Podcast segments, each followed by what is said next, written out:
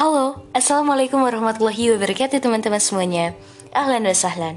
Pada kesempatan kali ini, selamat datang di podcast Bincang Mimpi.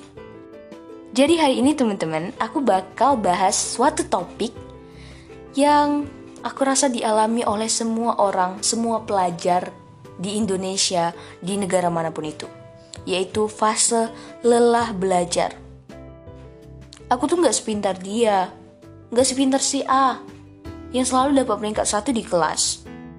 Aku juga nggak sepintar si B, yang matematikanya itu gila, keren banget. Aku nggak sepintar si C, dia itu emang dari keturunannya udah pintar.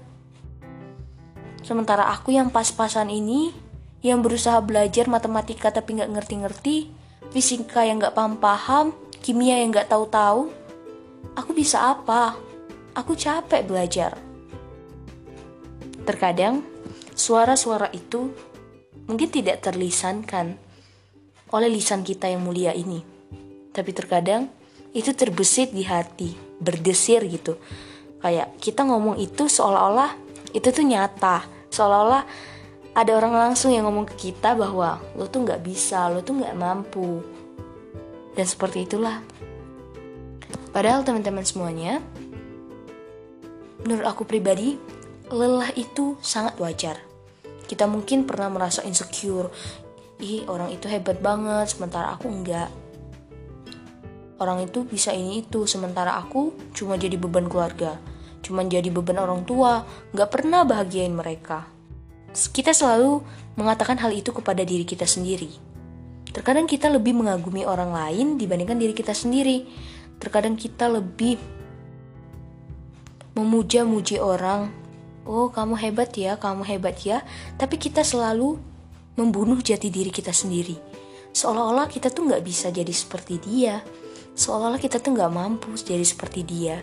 Seolah-olah itu tuh mustahil jadi kayak dia. Sehingga membuat kita merasa drop, merasa nggak mau lagi belajar, merasa belajar itu nggak berguna. Dan akhirnya kita terjun ke palung, palung kegagalan palung-palung ingin. Ya sudahlah kalau memang ini bukan bidangku seolah-olah kita nggak bisa. Dalam konteks ini bukan dalam konteks memaksakan diri ya tapi ada orang yang dia belum mencoba dia sudah bilang aku tuh memang nggak bakat di sana.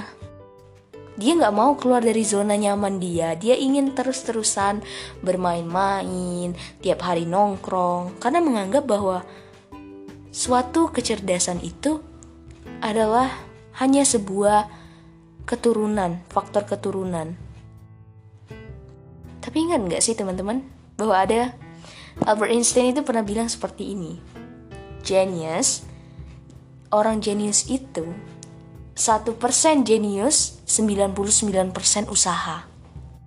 Ya teman-teman, jadi terkadang orang cerdas itu bisa dikalahkan oleh orang rajin. Iya, itulah konsepnya. Jadi aku pernah baca buku nih. Judulnya Who Says You Can't You Do. Waduh, can't-nya ada kol-kolanya ya. Ya, can't. Can't bisa can't, tergantung action mana gitu. Nah, di buku itu dibilangin bahwa bisa jadi. Kalian tahu gak sih Tiger Wood? Iya, yang pemain golf yang begitu melegenda itu. Jadi di buku itu ditulis, bisa jadi ada orang dengan bakat yang Tuhan karuniakan lebih dari Tiger Wood, tapi karena dia nggak pernah diasah, dia hanya tugasnya main game, ya dia nggak bisa sebesar Tiger Wood. Jadi konsep bahwa jenis itu dari lahir itu benar, tapi tidak semua orang jenius itu sukses. Seperti yang aku bilang sebelumnya, terkadang orang pintar dikalahkan oleh orang rajin. Ingat bahwa orang pintar itu belum tentu rajin, tapi kalau orang rajin sudah pasti pintar. Karena dia memikirkan masa depan dia. Ingat teman-teman, ada konsep nature and nurture, di mana ya misalkan gini, keturunan pintarnya itu kayak keturunan gitu memang udah pintar dari lahir. Itu namanya nature.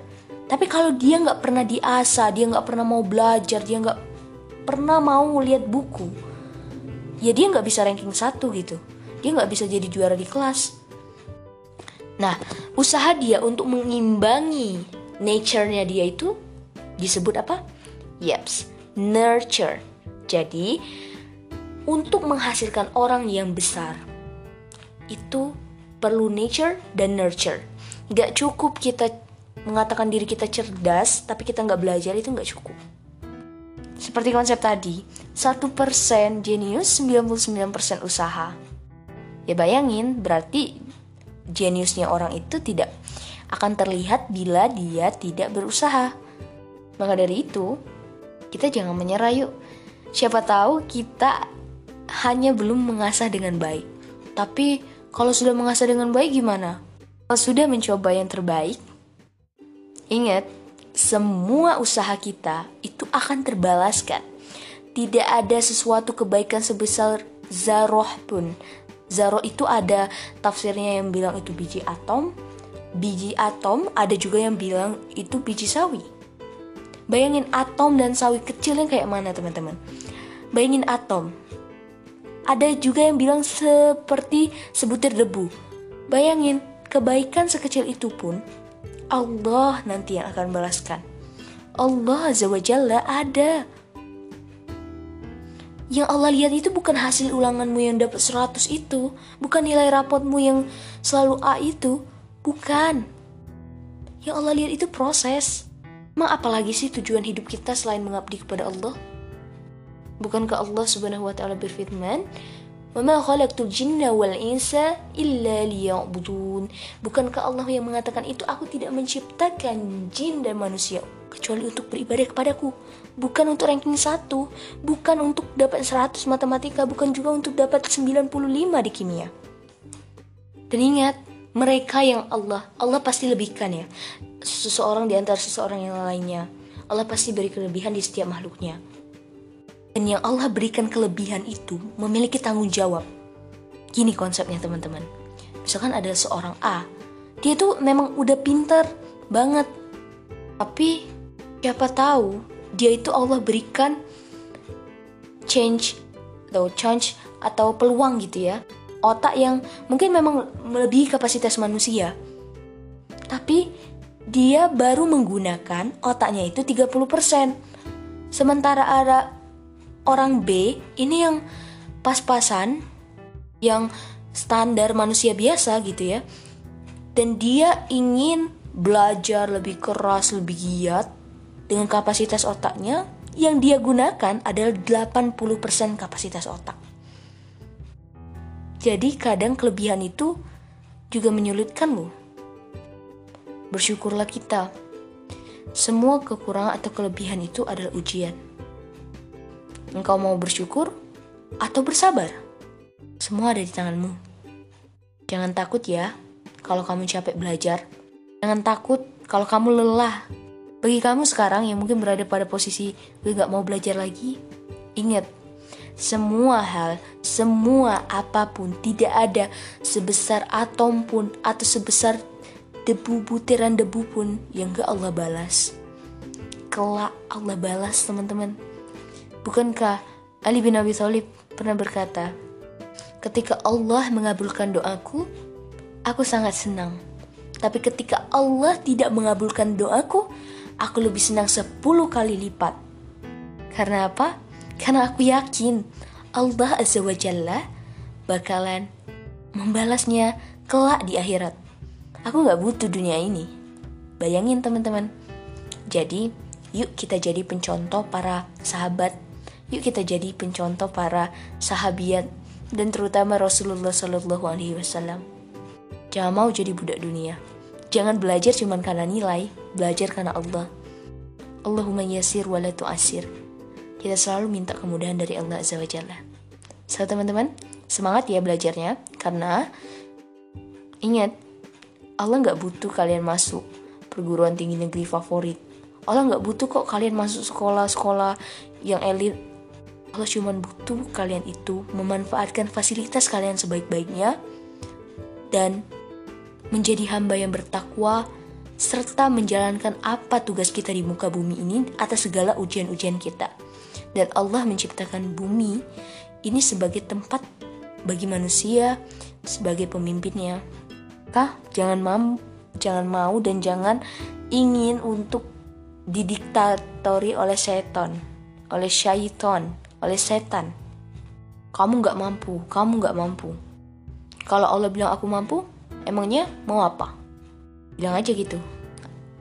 Oke. Gitu doang ya teman-teman. Semoga apa yang aku sampaikan bisa menginspirasi dan bermanfaat. Jangan mau terbujuk rayu syaiton mengatakan percuma kamu belajar kamu itu nggak bisa. Hmm, memang aku mungkin nggak sepintar dia, tapi mungkin dia nggak seberusaha aku. Dan aku berusaha bukan untuk ngalahin dia, tapi aku berusaha untuk membuktikan kepada Allah, ya Allah, jadikanlah belajarku ini sebagai tambahan amal kebajikan saat aku kelak menghadapmu. Barakallahu fiqh. Oke teman-teman, terima kasih banyak sudah dengerin podcast aku kali ini. Semoga bermanfaat. See you next time. Wassalamualaikum warahmatullahi wabarakatuh.